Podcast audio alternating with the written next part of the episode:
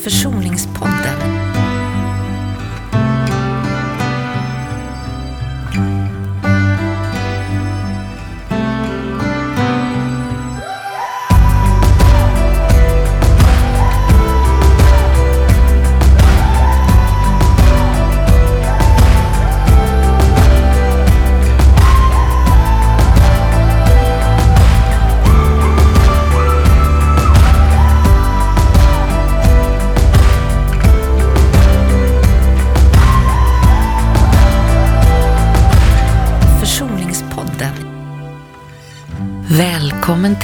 Försoningspodden. Jag heter Görel Fred och jag är psykoterapeut och föreläsare och handledare. Jag har skrivit en bok tillsammans med journalisten Ulrika Hjalmarsson Neideman som heter Försonas med din barndom och kanske med dina föräldrar. Och till den här podden så har jag bjudit in ett antal kloka människor som jag har bett att läsa avsnitt i den här boken och prata med mig om försoning utifrån olika vinklar. Och idag så ska vi prata om besvärliga känslor som uppkommer när man har varit med om en svår barndom och till det så har jag bjudit in Lisa Hjortek. Välkommen Lisa, vem är du? Tack så mycket Görel. Jag heter Lisa Hjortek och eh, till vardagsvis så jobbar jag som familjebehandlare. Vilket betyder att jag träffar barn, unga och vuxna som av en eller annan anledning har velat haft behandling för att se hur man har det tillsammans egentligen. Och det centrala i det blir ju någonstans också att titta på hur de här barnens barndom ser ut, men många gånger också titta på hur de vuxnas barndom också var. Det är det ni pratar om när ni, i dina samtal? Det kan det vara till mångt och mycket. Ja. Ja, just det. Så det här ämnet Lisa, Mm. ehm, försoning, när du sa att du gärna ville vara med här när jag frågade dig. Vad är det i det här ämnet som du fastnar för eller tycker är viktigt? Jag tänker att det är ofrånkomligt för, ja, jag får tala för mig själv då, för mig som människa, både när jag möter så många människor som kämpar med den barndom man själv har haft och relationen till de här två, oftast viktiga vuxna man har vuxit upp med föräldrarna. Eh, och sen också som människa själv, eh, ha en barndom i bagaget också och en relation till mina föräldrar, så blir det ofrånkomligt att förr eller senare titta på och tänka på vad är försoning för någonting? Är det någonting som jag behöver förhålla mig till? Och det tror jag att vi kanske alla i någon, något avseende behöver. Mm.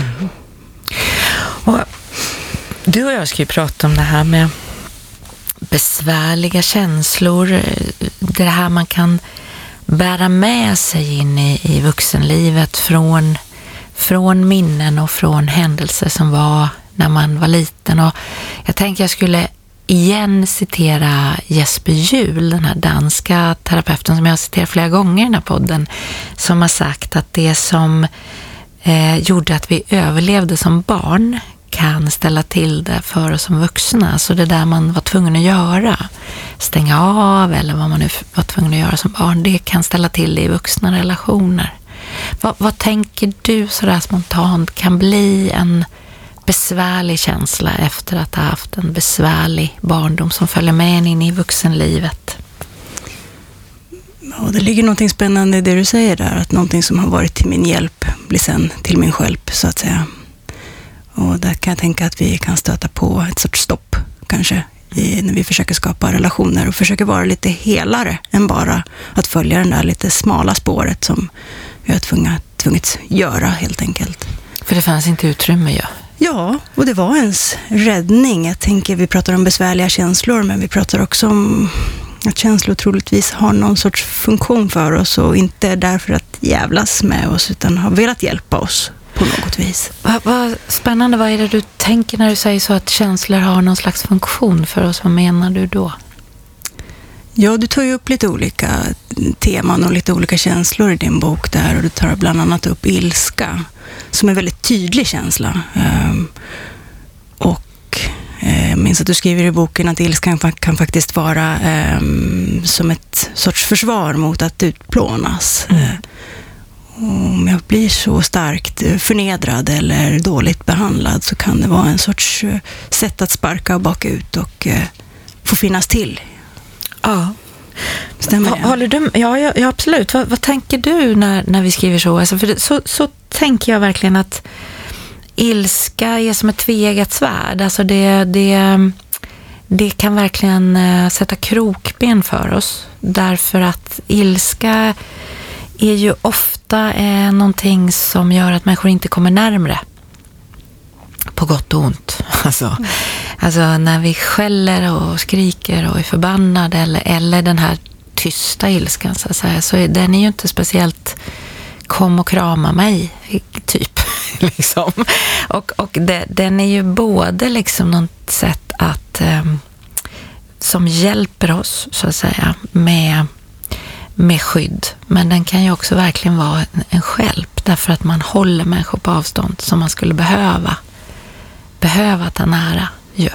Just hur det det här du menar, hur gör vi sen när vi växer upp och fortsätter ha kvar den ilskan som vårt sätt att navigera oss lite i relationer med andra? Precis, och då tror ju jag att, att man kan, eh, alltså om ilskan är en känsla, så jag tror ju, eller hur Lisa, att ilska och sorg ligger nära varandra. Ilska och ledsnad ligger nära varandra.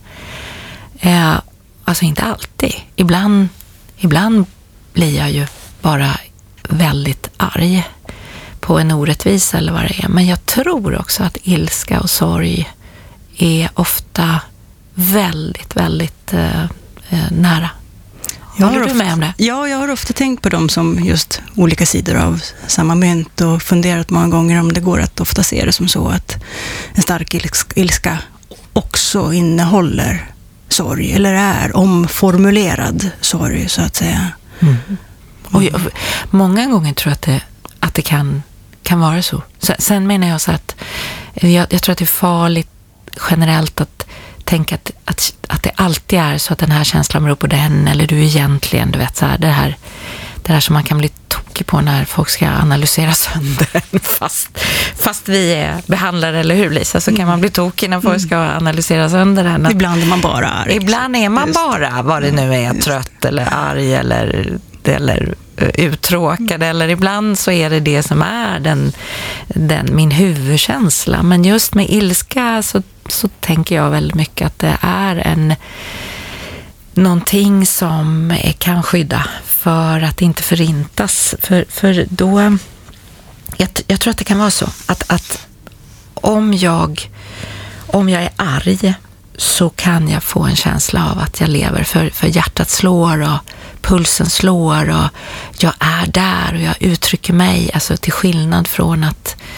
att vara tyst och rädd och skrämd och, och, och gå, alltså, försvinna. Så med ilskan blir jag mer känslan att finnas i min kropp. Jag blir en aktör som låter och finns i rummet. Till skillnad från att av tystnad utplånas, spela död i kroppen, vara stilla. Just det, det är mm. den där Eh, det, det, det, där är jättespännande att säga, för då kommer jag att tänka på en...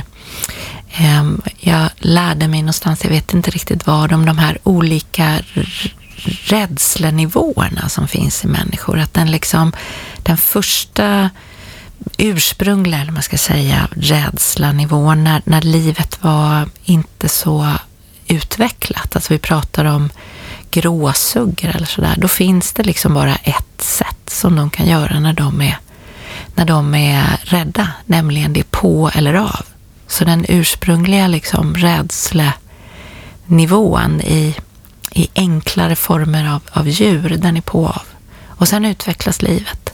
Och så blir nästa nivå kamp eller flykt. Liksom, när med lejon eller apor eller liksom sådär, då är det kamp och flykt. Och sen blir människan och då kan man använda socialisering. Det tänker jag att en del massa djur också gör, men vi har ju, när vi blir rädda så kan vi socialisera och prata med varandra. Men när vi, ju, ju räddare vi blir och ju mindre ord vi har eh, för vad vi känner så tänker jag att vi kan gå, vad ska man säga, ner i den här stegen. Alltså blir vi totalt vettskrämda så kan vi hamna i på och av. Gråsuggenivå. Gråsuggenivå. Mm. Och blir vi liksom sådär eh, inte så livrädda så att vi tror att vi ska dö så kan vi göra kamp eller flykt. Så att, vad, vad tänker du om det här sättet att tänka med olika nivåer och att, att rädslan kan göra att vi totalt stänger av? Det berättar ju någonting hur stark den funktionen är i oss. väcker en sorts respekt för när vi som människor drabbas av så starka känslor. Ehm, jag får också för mig hur svårt det blir för till exempel det vuxna barnet att göra val i kontakten eller för försoningsförsöken med sin förälder när man befinner sig så i, i något av de här lägre registren.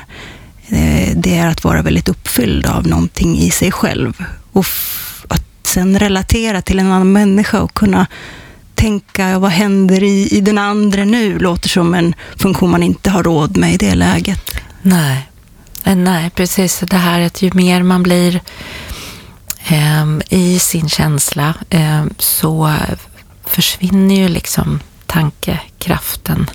Det var en kollega till dig här som pratade just om det här att när hon jobbar med föräldrar så försökte hon ofta lära ut att, att man skulle bli så lugn så att man kunde tänka. Mm. jag vet inte hur du gör när du, när du jobbar med föräldrar, men att man också kan hjälpa. Alltså, men lägg ner känslorna lite nu och tänk. Att man hjälper människor att tänka så man får, får tillbaka förnuftet. Kan du känna igen det när du jobbar med väldigt arga barn och föräldrar? För det måste ju du göra, både med arga barn och föräldrar. Visst. Jag tänker på begreppet toleransfönster också. När vi har en människa som är utanför var som riktigt går att tolerera utifrån vem jag är och jag förmår. Där är vi inte nåbara, tänker jag, för eh, för mycket reflektion av tankekaraktär eller mentaliserande. Att kunna vara med mig själv på ett mer begripligt vis kontra tänka kring den andres intentioner. Eh, där är det att försöka få ner personen helt enkelt. Och med ner menar jag lugna. lugna Säg något mer om det här med toleransfönstret. Det lät som ett spännande begrepp att förklara. Ja. Jag tänker att det finns ett spann för vad människor eh, tolererar. Eh, man tänker att det finns ett tak och ett golv i det där spannet. Där kan vi röra oss och där kan vi reflektera och där kan vi förmå att ta andras positioner också i hur saker och ting kan bli i ett socialt samspel. När vi blir för hotade eller för pressade så kan vi bli så pass trängda att vi hamnar utanför vad som är tolererbart för oss. Eh, och då måste vi hamna i något av de, kanske de tidigare skedena som du pratade om också. Ja, kamp eller flykt, kamp eller, eller, flykt. eller, på eller av när det blir som mest. Mm. Och då tror jag så här att, att man, det, det, kanske, alltså det kan vara så här med väldigt, väldigt stark ilska att, att det är valet att antingen bli av, så att säga, eh, försvinna alltså. Det där som gråsuggan gör stanna, försvinna. Mm. Eh, eller att eh, kämpa och fly. Alltså, eh, om, jag för, om jag hamnar i eh, av, då så har jag ju också förlorat förmågan att fly.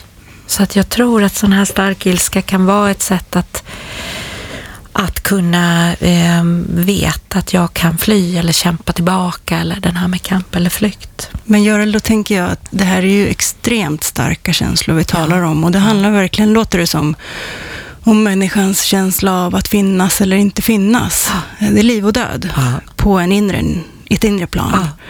Um, det här tänkte jag när jag läste det här kapitlet är någonting, apropå besvärliga känslor, som låter så extremt utmanande att om det är känslor av den här kalibern som aktiveras i, i ett vuxet barn, så låter det som eh, någonting väldigt, väldigt svårt mm. att också eh, till exempel ta upp med mm. föräldern. Mm.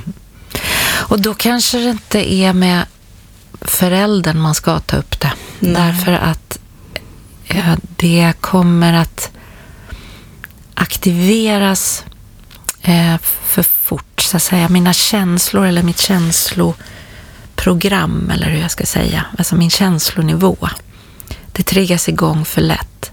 Jag blir för lätt i en känsla av att jag håller på att förintas. Det, det är ju inte så att en 42-årig person inte klarar av att prata med en 78-årig mamma, men man kan känna det så.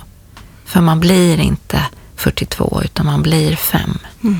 Alltså går, man kommer tillbaks till den här känslan av att jag kommer förintas. Mm. Och så skriker man och beter sig och kämpar. Jag har sett det själv. Jag har sett det i mitt terapirum. eh, med vuxna barn som är fem och eh, beter sig mot sin förälder som om det är livsfarligt. Alltså det är du eller jag. Det är äta eller ätas. Mm. För så tänker jag också om det här med, som jag blir nyfiken på vad du tänker om när jag säger att att det här med ilska och försvar och äta eller ätas, alltså det kan ju, det kan ju göra det här med offer och förövar eh, scenariot så tror jag att det finns vuxna människor som eh, hela tiden tänker om sig själva att andra kommer att gå på dem. De måste försvara sig. Så när jag ger mig på dig, Lisa, så är det bara som försvar. Och det betyder att jag aldrig kan se mig själv som förövare. Alltså jag, jag har... Är, är du med mig när jag mm. tänker så? Jag har, all, jag har, jag har, det här kommer ur en känsla av att jag måste försvara mig. Jag får inte förintas. Jag, så. Och, och jag är på det sättet det ständiga offret och allt jag gör är jag försvarar. Alltså det absolut värsta exemplet som jag eller det finns ju massa värsta exempel, men jag, vi skriver ju om det i boken också, det här med Utöja-mördaren. Som, alltså när han har, enligt Åsne Seierstads bok En av oss, som är en otroligt berörande bok.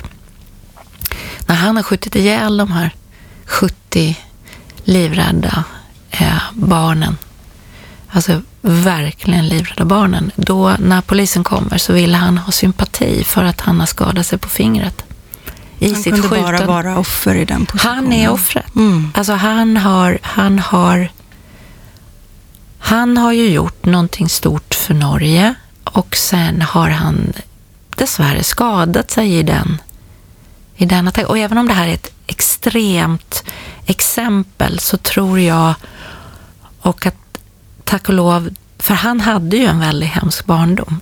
Alltså i den här boken så står ju det beskrivet. Han blev väldigt kränkt i sin barndom. Och nu är det ju så att de allra, allra, allra, allra flesta människor gör inte illgärningar för det. Speciellt inte av den här kalibern. Men vad jag menar är att den här eh, starka ilskan som är till skydd för att man inte ska förintas, den kan skapa en känsla av att jag är ett ständigt offer. Och när jag ger mig på folk så gör jag det för att annars skulle de ge sig på mig. Vad, vad, vad, får du för tankar av det resonemanget? Det låter som att det är ett ständigt pågående krig. Ja. Med eh, väldig vaksamhet för en sån person. Ja. Eh, där låter det som att det inte går att slappna av Nej. någonstans Nej. när det handlar om att äta eller ätas. Och vart har vi personen då, apropå de här olika begreppen vi kastar oss med, toleransfönster och de olika eh, fight, flight eller spela död-reaktionerna inom oss. Hur vi har den på hela tiden på topp, låter det ja, som. Precis. Och vad gör det, tänker jag, tillbaka till dig med den personens förmåga att sen också skapa andra typer av relationer när den är så i, i kamp? Nej, eh, det här är ju... Eh, alltså det är ju det är ju i, i bokstavlig mening livsfarligt att kränka barn för mycket. Det är ju det. Det är ju inte liksom så att och sen gick det alltid att reparera. Eller hur Lisa? Vi kan på så vis skapa inom citationstecken monster ja. genom att kränka barn tillräckligt mycket. Är det, är det någonting sånt som... Ja, mm. och genom att um, och det är ju inte så lätt som jag pratade om här förut att det är vår intention alltid, eller det är människors intention. Men jag tror definitivt att man kan... Eh, för om du har ehm, en, ett skript, eller man ska säga, inom dig själv, hur du funkar som människa, att du aldrig kan göra en annan människa illa. Du är bara ett offer. Du kan aldrig bli en förövare. Då har du ju så att säga tagit bort... Ehm, det, det är ju livsfarligt det är ju verkligen livsfarligt att du aldrig kan tänka om dig själv att du kan skada andra människor. Mm. Och sen är ju Utöya-mördaren en, en extrem variant av det. Men själva psykologin tycker jag är viktig. Så att säga. Ja, och jag tänker när du säger det att vi måste ju ha eh, många människor bland oss som ändå går med visst mått av det skriptet inom sig. Mm. Um, tänker du tar också upp det här med att älta, ständigt älta barndomens oförrätter. Just det. Och att det kan också, får jag för mig nu då, kan vara den typ av ved som man lägger på det här mm. äta eller ätas mm. perspektivet, så att mm. säga. Eh, jag går och eh, ständigt berättar för mig själv de oförrätter jag har varit i och stannar kvar i den positionen av hur hemskt det var. Mm. Därför, att det, därför att det blir också någon, någon som är begriplig, tycker jag, någon form av känsla av att jag måste ständigt berätta berättelsen om mina oförrätter, för ingen annan gör det. Jag måste upprätta mig själv. Och sen är jag ständigt så, så vittnar jag, eller man ska säga, hela tiden om eh, det olyckliga barnet i mig, därför att det inte ska bli bortglömt. Det är bara det att den här, de man berättar det här för om och om, om igen, de kan ju inte göra någonting åt det. För den som kan göra någonting åt det, det är ju någon som har begått oförrätter mot mig för länge sedan. Men jag tror att det kan finnas människor som inte kan så att säga släppa berättelsen om sin olycka. Eh, man, man lever ständigt i dåtid för att då skulle man känna det som om man svek sig själv. Är du med mig på det? Om det är så, Lisa, vad, vad, vad, tänker du att man kan göra åt det? Träffar du någon gång? Har du träffat sådana människor i din verksamhet någon gång? De här som, ja. som har väldigt svårt att till exempel se att de gör sina egna barn illa för du har inte haft min barndom. Har du, har du stött på det? Många gånger så. Du har det? Det tycker jag. Och det ligger någon, jag ser en nyckel i det här som du säger. Om de skulle ge upp berättelsen så sviker man sig själv. Och om man dekonstruerar det lite så ligger det till en början någonting fint i det. Att mm. inte vilja svika sig själv. Eh, om vi tänker att det här är ett barn som aldrig någon annan har stått upp för, utan det har varit haglat kränkningar av alla dess slag. Så vem ska stå upp för barnet? Jo, den hittar en strategi att stå upp för sig själv, som den vuxne sen fortsätter ge barnet. Fint så. Om vi inte du menar den vuxna i sig själv? Alltså den precis, vuxna, ja. den vuxna, vuxenjaget ja. kan ge sitt barnjag det. Ja, just det. Ja. Så fint så från ett kortsiktigt perspektiv. Från ett långsiktigt perspektiv, en tragisk kamp som aldrig tar slut och som också går ut över kanske de egna barnen där. Och, eh, då det inte blir en rättvis syn på hur livet ter sig och hur barnens upplevelser kanske är, som stöter på förhoppningsvis eh, problem av en mildare kaliber om vi har tur. Um, ingenting blir värt någonting. Ett skrapsår på knät är inte värt något för att uh, du vet hur jag vet hade hur jag det. haft det. Mm. Så det var spritflaskor på bordet hela tiden och då fick det. man en smäll. Och ja. Inte ska du klaga för att skosnörena trasslar, just om du det. bara visste. Så. Ja. Um, det blir ett fast perspektiv, verkligen, och det är en stor sorg i det. Um, hur, hur brukar du... För, för det här är ju verkligen att ha vikt sitt liv om jag nu tar i, åt det som inte går att göra någonting åt. Mm. Alltså, eftersom den människa som kan be om ursäkt eller upprätta en, kanske är död eller kommer kanske i sin tur att säga, ja men vadå, liksom spritflaskor på bordet, du vet ju inte om vad jag... Bara visste hur ja, om du bara det blir Vilket där, också var sant säkert. Ja, ja, ja, det blir som den där gamla Monty Python-sketchen när man ska slå varandra i mm. lidande mm. på något sätt. Och det, mm. med all respekt för lidande, så det är mm. inte det vi raljerar över. Men alltså, när du möter på det här, för du säger att du känner igen det, vad, vad, vad, vad, vad, brukar du, hur brukar du jobba med det? Jag tänker att det första som jag skulle vilja få fatt på med den personen, det är den här goda intentionen i det hela. Det finns en, som jag pratade om, det finns en god intention, att personen försöker minnas den, eh, det lidande och den kränkning och den sorg och ensamhet som det här barnet, som ju var den själv, faktiskt en gång i tiden hade. Um, jag tror att det är svårt att få den personen att tänka kring hur andra har det eller hur det blir för den att fortsätta spela upp det här skådescenariot om vi inte börjar att ta i den sorg som det först innebar, att det faktiskt förhöll sig så här. Sen är det någonting med tiden, tänker jag, och det här vill jag nästan bolla tillbaka till dig, för att eh, det är någonting med att inte låta tiden gå, att ha kvar ett sånt här perspektiv. Hur, hur den här oförrätten, eller traumat om vi kallar det så, blir liksom glidande ovanpå tiden. Den tillhör inte sin kronologi. Det hände då, men nu är det annorlunda. Det kan ha hänt nästan nyss. Så nära brinner elden från barndomen. Så. Eh, och jag minns att du skrev också hur ilskan också, om vi går tillbaka till den bara som exempel, kunde få oss att inte, vad skrev du? Få att leva i tiden. Det kunde stoppa tiden. Och då går det ju heller inte att växa bortom det som har hänt. Och det går heller inte att kanske stå helt i vuxenjaget och, och få föräldrajaget som behöver kunna ha en nyanserad blick, flera blickar på sig själv, på sitt barn.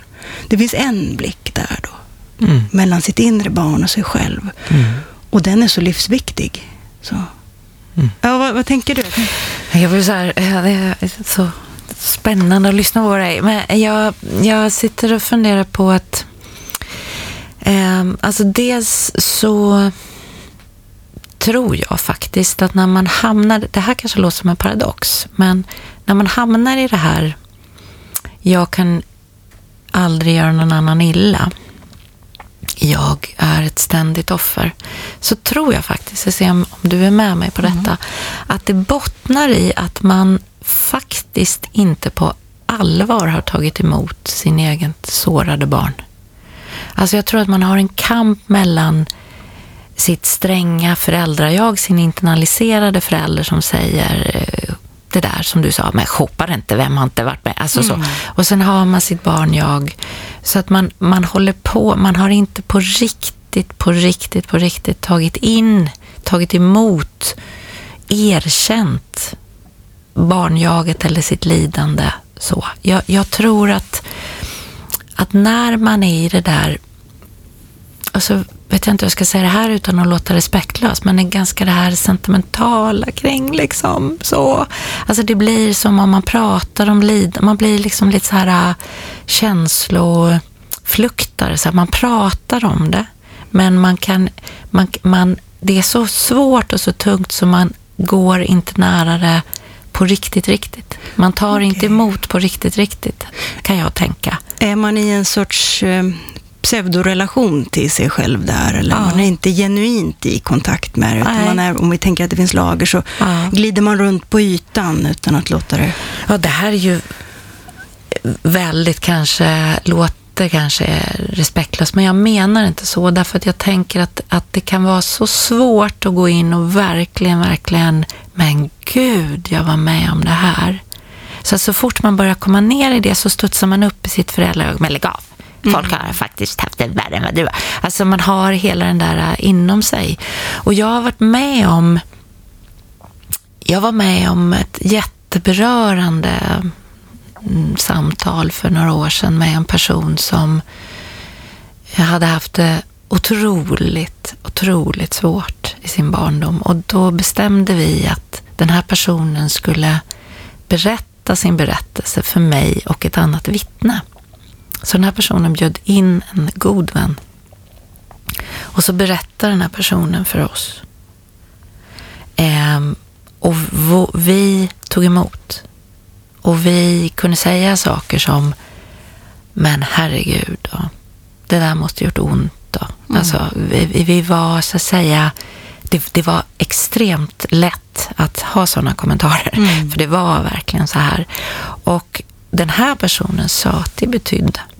Det betydde något att få berätta sin berättelse och bli mottagen i den utan en sensor. Att, att andra människor gjorde det möjligt att det har jag varit med om flera gånger som terapeut, att människor tänker att de ser i mina ögon att oh shit, det här, det här tycker hon är allvarligt.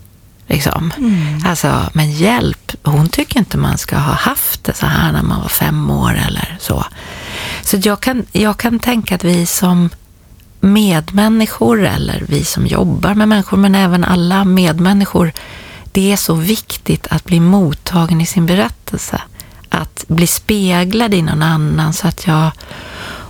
Och då, då lyssnade jag en gång på en föreläsare som berättade berätta legenden om Shahrazad i Tusen och en natt. Mm. Och jag tyckte den var så fin, för hon sa så här, den här föreläsaren, att hon pratade om det här med vikten av att ha yttre vittnen till sin berättelse och så sa hon att för, för Shahrazad var ju drottning till en eh, kejsare som bara gillade oskulder, vilket betydde att eh, efter bröllopsnatten var de förbrukade. Men då gjorde ju hon så att hon varje natt berättade en historia med en cliffhanger, så han, han var tvungen att låta henne leva. Och så sa den där föreläsaren så här, hon överlevde, inte på grund av att böna och be, inte på grund av sin fysiska styrka, utan genom att berätta sin berättelse. Och det tyckte jag väldigt mycket om. Därför att vi behöver, för att komma ifrån det här du och jag pratar om, att sitta fast i tiden, att, att låta ilskan ta över, att, att hela tiden vara det ständiga offret och allt det här vi säger, så tror jag att det finns en... Vi behöver på allvar sörja. Det finns ju den här... Har du sett den här filmen Will Hunting? Med Matt Damon? Nej, jag har Nej, inte gjort det. Men det finns en, en, en det, jag ska inte gå in på hela det, men det finns en scen i den, äh, Matt Damon spelar en, en, äh, en ung kille, sån här missförstådd, mm. arg kille, som möter en psykolog och så, så börjar han berätta för den här psykologen att, att äh, hans föräldrar slog honom. Och då säger den här psykologen, det var inte ditt fel. Nej, jag vet det, säger han. Ja, fast det var inte ditt fel. Nej, jag vet det. Ja, fast det var inte ditt fel. Och så håller han på och säger så här till honom 50 gånger och till slut börjar han gråta för då har det nått honom sorgen och tyngden och att det på riktigt var inte mitt fel. De mm. första, liksom, jag vet det, det är ju mer så här eh, på, ett, på ett ytligare plan. På ett intellektuellt så, men, plan. På ett intellektuellt plan. Mm. Men vi, vi behöver ju, och det är inte lätt, alltså ta emot, men det där var inte lätt. Alltså, mm. på, på, riktigt. Mm. Vad tänker du när jag mm. pratar så? Är du med mig på det? Jo, jag tänker på det här som du är inne på, att få ett genuint bemötande. Av sig själv, ja. Av sig själv, men här, när det inte går att till en början ge sig själv det, så låter det som att du beskriver att då behövs vittnet.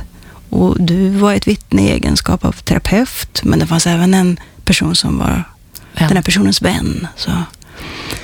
Och ni bekräftade och visade med blicken, sa du. Sen la du också handen på bröstet, så mm. som att, det, det, att med hjärtat nästan visa för personen det du berättar berör mig.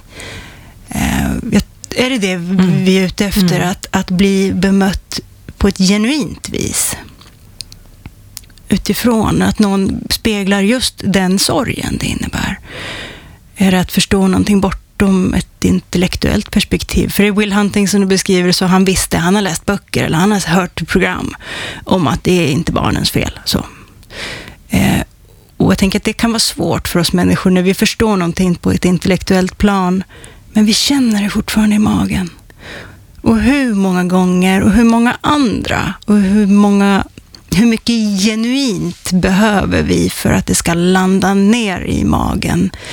Bort från, eh, jag pekar upp på huvudet och, och, och halsen, men det, här har vi de här ytliga försvaren med ilskan och ältandet och de här sakerna. Jag tänker mig att det är ett ganska högt tempo i dem också. Det är mycket tankar som spolar.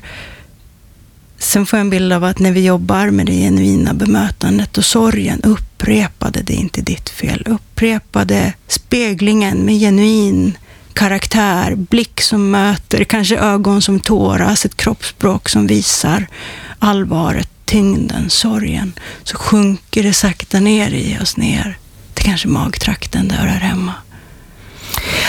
Och så blir jag, när du bara tittar på dig när du säger det här så blir jag nästan tårfylld för att, för att um, det är ju så, tänker jag, att att man inte gör det, att man vänder upp så fort man börjar komma, äsch, det var inte så farligt.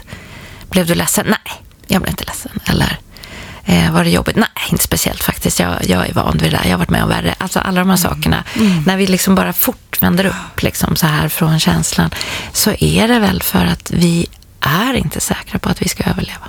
Nej. Vi är inte säkra att vi ska överleva om vi går tänk om jag drunknar i sorgen.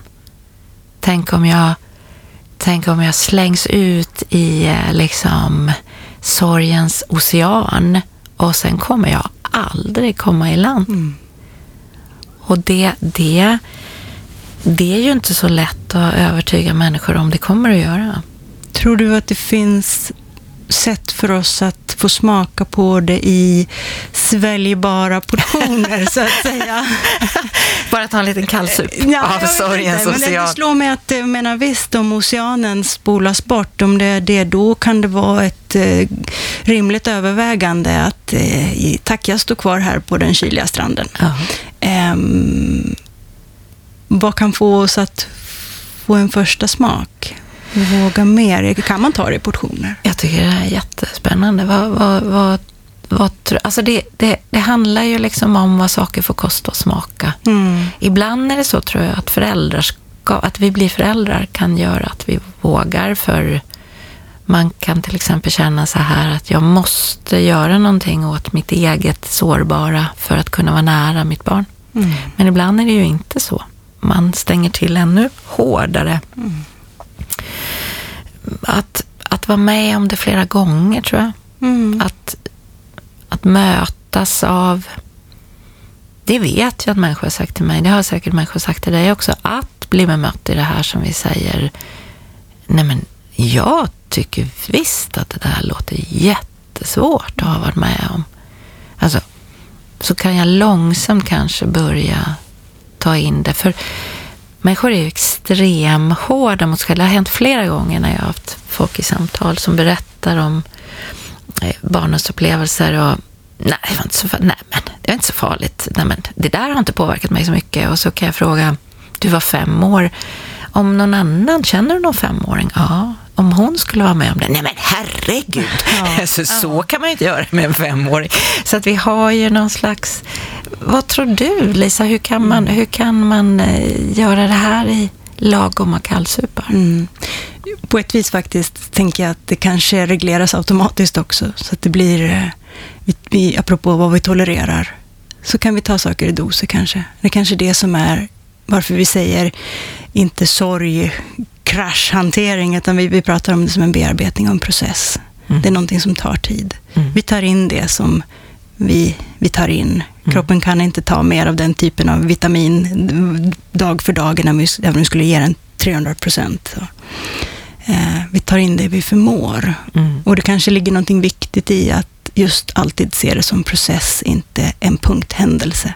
Just det. För det finns någonting, tycker jag, också i vårt samhälle som ibland vill spola förbi, att vi människor har långa processer. Framförallt med sådana här långa relationer.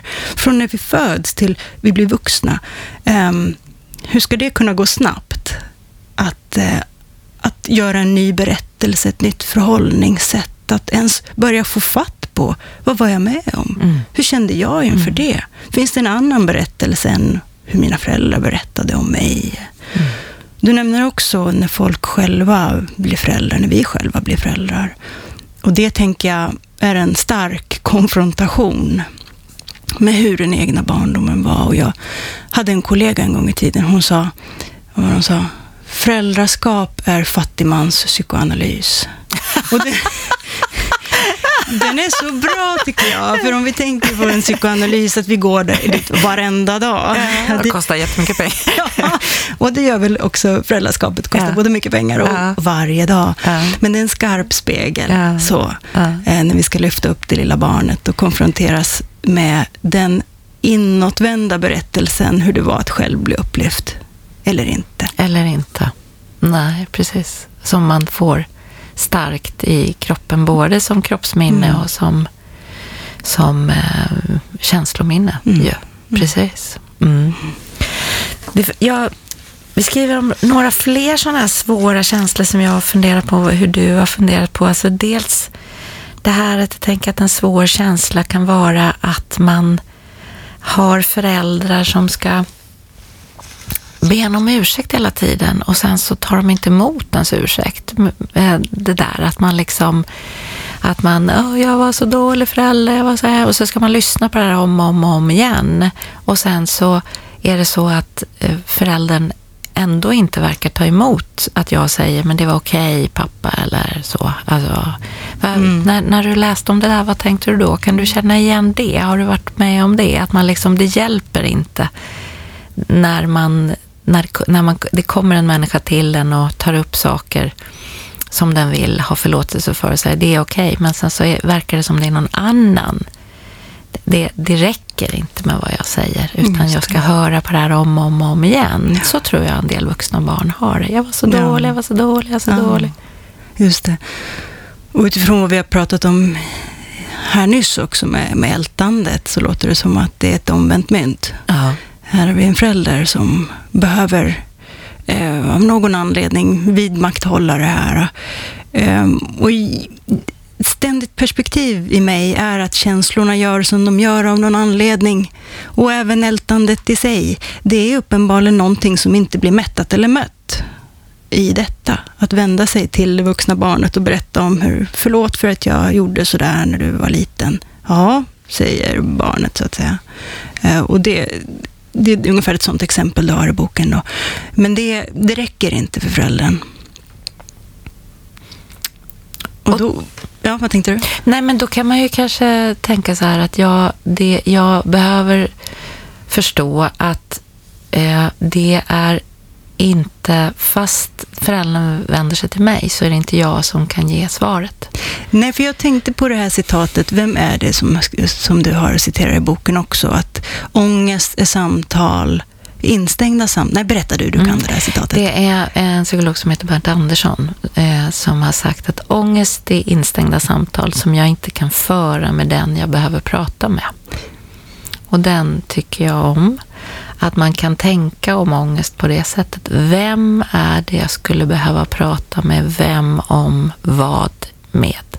Så Vem man, är det? Ja. Just det, man applicerade det på det här scenariot. Vem är det då den här föräldern egentligen skulle behöva ha det här eh, riviga, repiga, jobbiga samtalet? Jag blev inte den förälder som jag hade önskat till mitt kära, kära barn. Jag fattar att jag gjorde det illa, men jag kan inte komma till ro med det och jag kan kanske inte ge mig själv den förlåtelsen uppenbarligen. Kan det vara något sånt?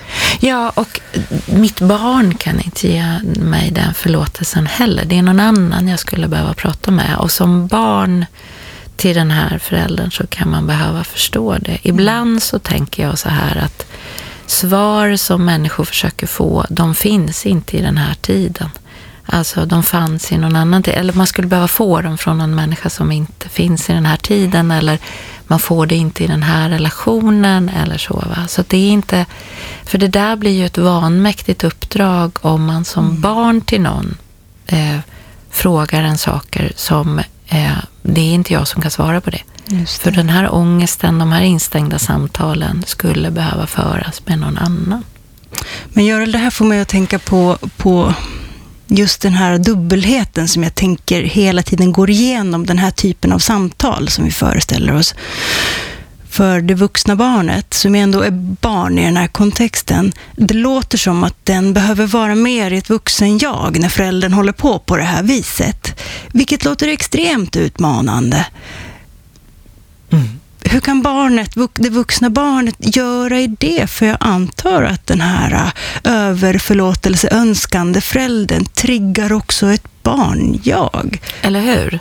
Alltså, det triggar ju barnjaget i mig som är så här, du är aldrig nöjd med mig, nej. det spelar ingen roll vad jag säger, jag håller ju på och säger att jag har förlåtit dig. Liksom. Mm. Så nej, men jag tror att man behöver um, vända inåt. Eh, man måste vända sig till sitt förnuft, alltså jag pratar om det vuxna barnet och säga jag är inte min pappas mamma, så jag kan inte eh, ge det här svaret. Mm. Jag är min pappas barn.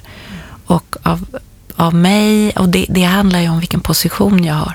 Inte att jag gör det dåligt eller om jag bara kommer på ett bättre sätt att säga det här så mm. kommer pappa bli lugn. Mm. För det är inte så att bara för att folk ber oss om saker så är det mm. samma sak som att det är jag som kan ge det. Nej, och det där det. handlar igen om sorterandet som vi har pratat om förut i den här podden. Att vad, att vad kan jag förändra och vad behöver jag hantera? Och ibland kan man få lugn i den här typen av svåra interaktioner om man förstår, men Lisa, du frågar mig, men det är inte av mig du kan få svaret. Mm. Så vem är det vi behöver prata med om vad för mm. att komma vidare? Just det. Och där, ja. Lisa, vad, vad, är det, det har varit jättefint att prata med dig om det här. Är det någonting som du tycker att du vill säga innan vi avslutar? Om det här svåra, svåra ämnet, besvärliga känslor. Ja, men det som vi var inne på nu sist och som har varit en genomgående tankespår när jag har läst det här kapitlet, det har varit ja, men en fråga som har varit så här, hur, hur behåller man, behåller jag, det vuxna barnet, eh, kontakten med mitt barn-jag, men fortsätter vara vuxen i det här försoningsarbetet med föräldern. För det låter som en väldig utmaning, framförallt när vi pratar, för vi pratar ju om starka känslor. Även om vi alla kanske inte hamnar i äta eller ätas eller leva eller dö, så kan vi tänka att registret, det går upp. Så. Hur kan vi på något vis hjälpa oss själva att för vårt eget inre barns skull vara den vuxna vännen till det här barnet? Till vårt eget barn? Mm, till vårt eget barn. Ja, dels genom att förstå att det kan vi inte alltid. Jag kommer att bete mig extremt ologiskt och barnsligt och alltför känslosamt för mitt eget bästa genom hela livet. Så, så tänker jag. Alltså att, att vi kommer att... Jag som håller på att bli en gammal kvinna. Jag trodde när jag var en ung kvinna att ungefär i min ålder så skulle det vara klart. jag, skulle, jag skulle ha blivit av med osäkerheten och mm, rädslor och, och en del har jag blivit av med på vägen och mycket, mycket tack vare så många samtal jag har fått dela med människor som har som har gett mig pusselbitar och, och, så i livet. Men sånt blir jag aldrig av med. Så bara själva idén att vi alltid skulle kunna bli en vuxen, eh, vad ska man säga, förnuftig person. Det tror inte jag på. Livet levs och vi studsar mot olika saker. Så att, att på något sätt vara i en acceptans kring det. Jag, jag frågade en gång en, en eh, person i min närhet som arbetar som skådespelerska så frågade jag, blir du mindre nervös eh, när du går in på en premiär med stigande ålder och då svarar hon nej, jag blir inte mindre nervös men jag vet att jag klarar av det. Mm. Så så att även när vi, när vi har att hitta någon slags acceptans kring nu var jag där igen, nu blev jag så där sur igen, nu var jag så där um, vad det nu är, att det där som jag inte är så, så stolt över i mitt vuxen-jag, så att säga. nu var jag så här barnslig igen, att hitta någon slags Ja, allt kan man inte. Vi är inte liksom eh, renoveringsobjekt som kommer att bli, stå där som det där fina huset till slut när vi har jobbat.